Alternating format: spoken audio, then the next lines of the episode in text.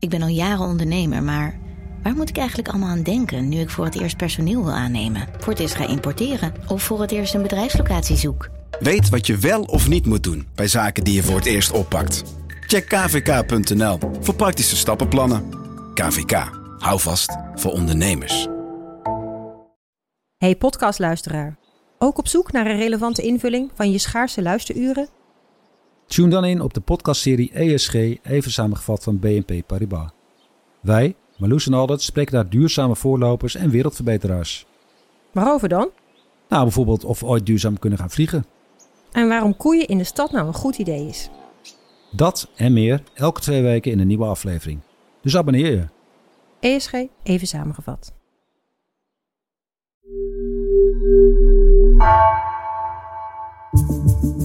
Vanaf de redactie van NRC het verhaal van vandaag. Mijn naam is Misha Melita.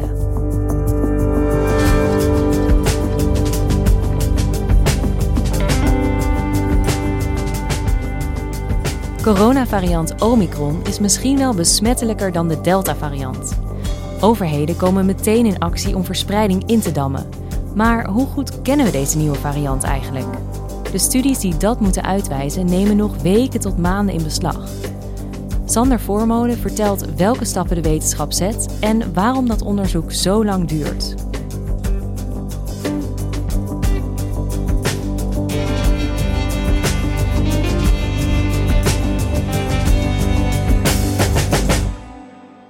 Een analist in uh, Zuid-Afrika zag uh, half november ineens iets vreemds toen hij uh, coronatesten deed. Het apparaat leek een storing te hebben, want hij zag maar één signaal in plaats van twee. Hij dacht dat het kapot was. En hij stapte naar zijn baas en die keek ernaar en die zei: Dit kan niet kloppen, we gaan het verder onderzoeken. Toen hebben ze dus de hele genetische volgorde van het virus bepaald. En toen schrokken ze eigenlijk nog harder, want dit was een, een onbekende. En er zaten ook heel veel mutaties in. En dat waren dan mutaties die bijvoorbeeld het virus besmettelijker maakten, of mutaties die ervoor zorgden dat het aan antistoffen ontsnapt. En ja, dat was dus echt wel zorgelijk nieuws. Dus ze hebben onmiddellijk alarm geslagen en zijn naar het het Zuid-Afrikaanse RIVM gestapt. En die, uh, die hebben het onderzoek overgedaan en die zagen precies hetzelfde. Dit was een nieuwe variant. Een nieuwe variant van het coronavirus. Ja, en toen was de boot natuurlijk echt aan. Goedemorgen. De Europese Commissie wil dat het vliegverkeer van en naar Zuidelijk Afrika onmiddellijk wordt stopgezet vanwege een nieuwe, mogelijk meer besmettelijke coronavariant. we are raising a red flag. We understand that we're on the verge of a state of emergency.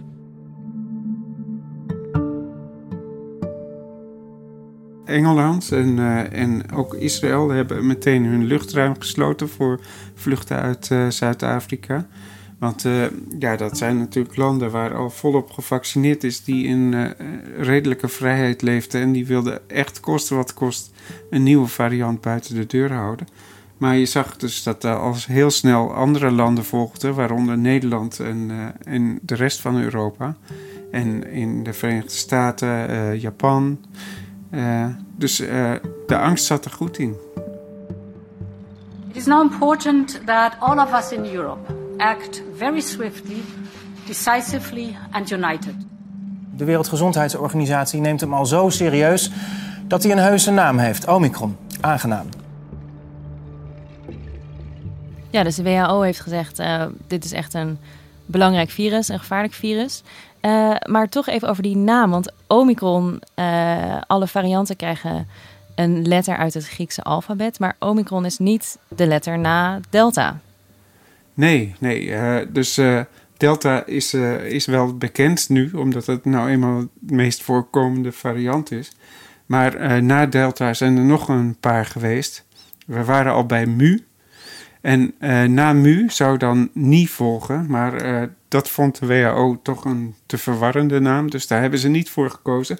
En na Ni zou Xi komen, maar Xi uh, viel ook af omdat de Chinese president Xi heet. En dan zouden we toch weer een vinger naar China wijzen. Dus uiteindelijk werd het Omicron. Wat weten we eigenlijk nu over deze nieuwe virusvariant? Ja, eigenlijk nog heel weinig. Want uh, we herkennen eigenlijk alleen de, de genetische structuur. En daar zien we wel wat zorgelijke dingen in. Maar uh, we weten niet hoe dat in de praktijk gaat uitpakken. En dat, dat onderzoek dat, uh, dat gaat nu gebeuren. Dat is al begonnen in Zuid-Afrika. Dat gaat in allerlei labs over de hele wereld ook van start. En daar, daarin proberen ze dus een, ja, met behulp van laboratoriumproeven te voorspellen hoe het virus zich zal gaan gedragen. Maar dat is nog niet zo makkelijk. Dat is wel een onderzoek wat nog weken tot maanden in beslag gaat nemen. Wat zijn de stappen die wetenschappers dan gaan volgen om die belangrijke vragen te beantwoorden? Waar begin je dan? Ja, het begint eigenlijk, dat, uh, dat is die eerste stap die ze al uh, meteen hadden gezet, is de genetische sequentie van het virus bepalen. Dus je gaat dan helemaal kijken van hoe zit het in elkaar. En dan, ja, als je eenmaal die genetische sequentie hebt, dan kun je bijvoorbeeld ook één gen eruit pikken. Dat is het belangrijkste gen, dat is het spike-eiwit. En dat, als je eenmaal de genetische code weet, kun je dat ook namaken. Precies zoals het, zoals het eruit ziet in werkelijkheid. En dan kun je daar ook proeven mee doen.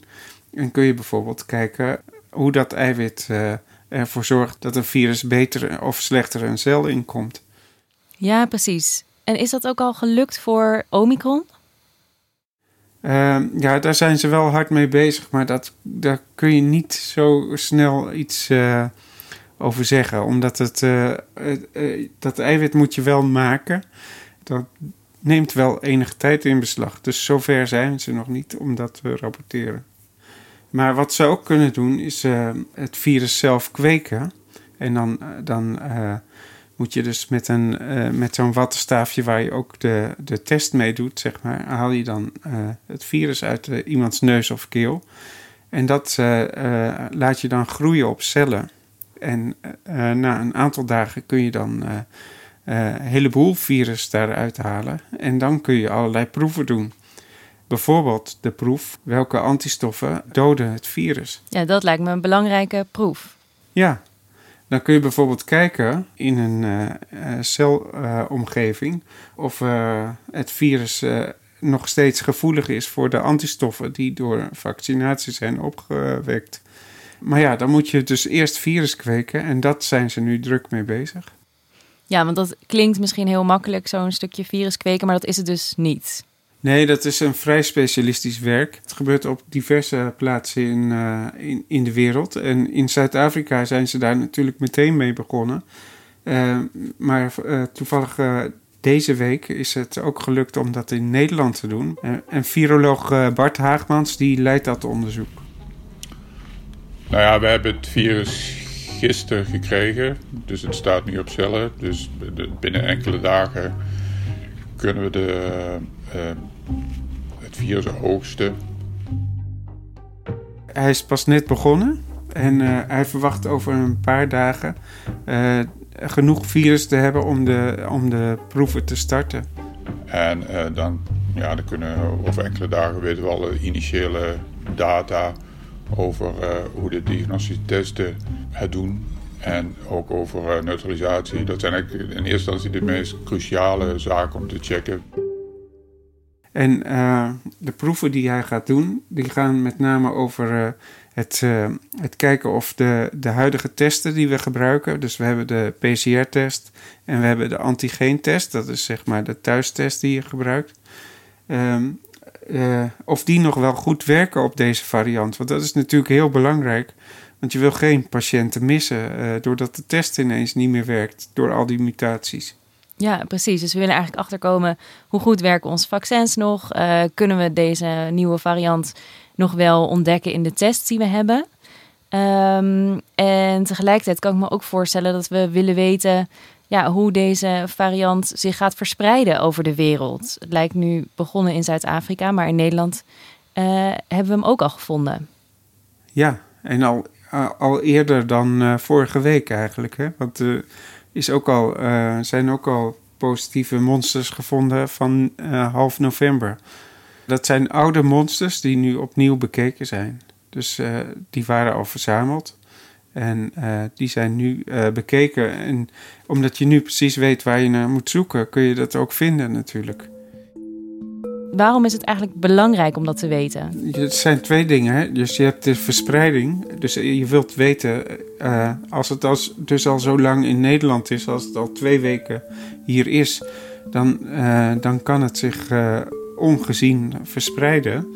En als deze variant dus inderdaad erg gevaarlijk blijkt, en dat weten we nu nog niet, maar als dat zo is, dan, dan wil je dat natuurlijk voor zijn. Dan wil je het zo klein mogelijk houden. Hebben we al enig idee waar deze variant ontstaan is, los van waar die het voor het eerst gezien is? Ja, de, als je de genetische informatie hebt, dan kun je een stamboom maken en dan kun je heel mooi zien uh, waar dat virus in zou passen. En als je dat dan uh, in een soort boom zet, dan kun je de aftakkingen zien.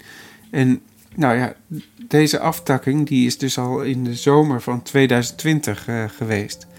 Dat is dus echt wel heel lang geleden. Dat is eigenlijk nog ver voor de Delta-variant. Die, die... Ja, het is helemaal geen nieuwe variant. Nee, het is dus eigenlijk een, een vrij oude variant. En dat is meteen een mysterie van uh, hoe komt hij daar en waarom hebben we hem zo lang niet gezien? Dus ja. daar zijn verschillende theorieën over dat het, uh, dat het een virus is dat bijvoorbeeld in een patiënt met een verzwakte afweer heel lang heeft gesluimerd en in al die tijd nieuwe mutaties heeft opgebouwd. Het kan ook zijn dat het in een dier terecht is gekomen en vervolgens zich heeft aangepast aan het dier en vervolgens weer op de mens is overgesprongen. Ja, dus dat het gewoon lang heeft geduurd voordat het weer terug was bij de mens, zeg maar. Ja, en, en dan verandert een virus heel erg als hij in een andere gastheer zit. Dus dat zou dan verklaren waarom er zoveel mutaties in zitten. En dat is wel belangrijk, die kennis, om, om een volgende uitbraak en, en ja, een volgende variant uh, goed tegen te kunnen houden. Ja. ja, en ik denk dat vooral iedereen eigenlijk wil weten, uh, hoe dodelijk is deze variant van het virus? Ja, virologen die kijken dat in, in het laboratorium met cellen of met dieren. Uh, uh, en, uh, maar de echte informatie die moeten we krijgen uit het onderzoek wat epidemiologen doen. Die kijken wat er in de werkelijke wereld gebeurt. En die gaan bijhouden van hoeveel mensen worden er ziek, wat krijgen ze allemaal voor klachten, hoeveel mensen gaan er dood en ook hoe snel verspreidt het virus zich.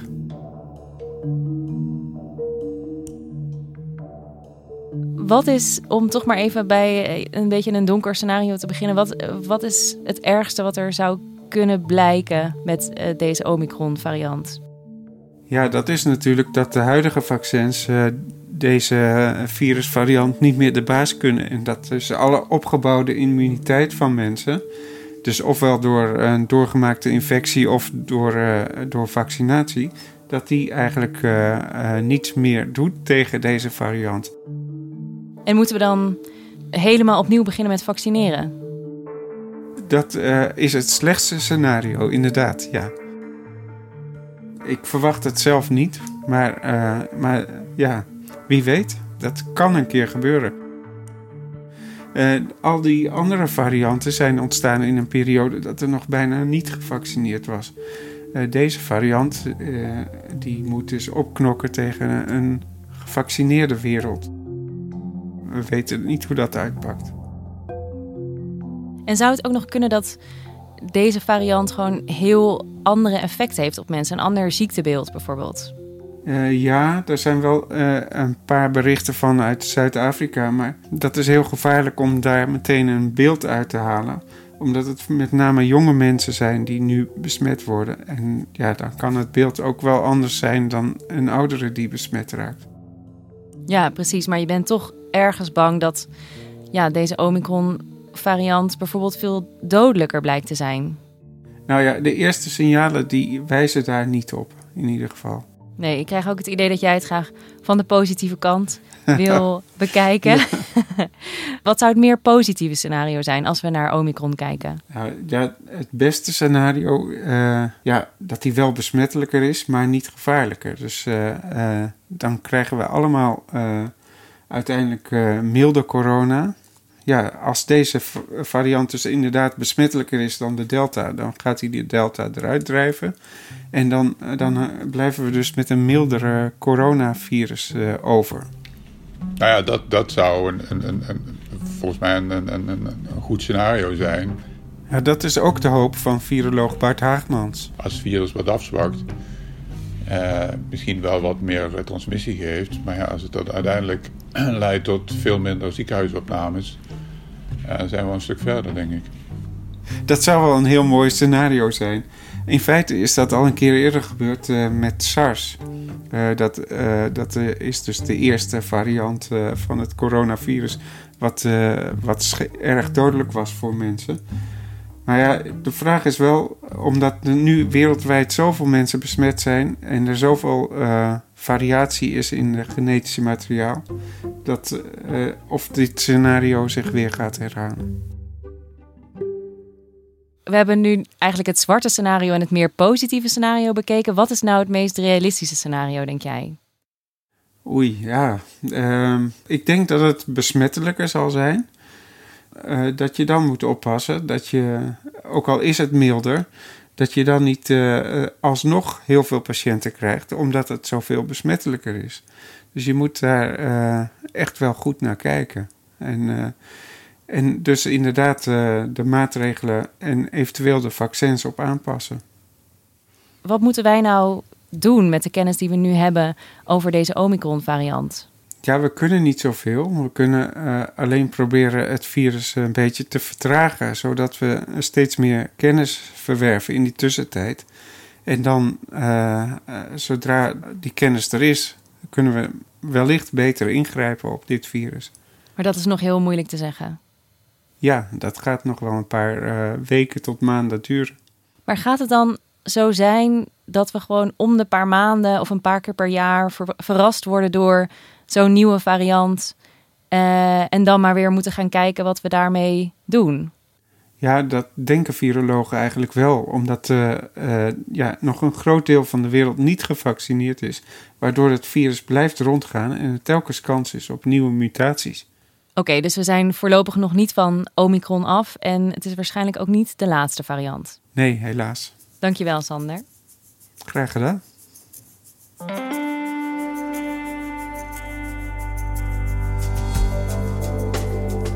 Je luisterde naar vandaag, een podcast van NRC. Eén verhaal, elke dag. Deze aflevering werd gemaakt door Henk Ruigrok van der Werven en Stef Visjager. Dit was vandaag morgen weer.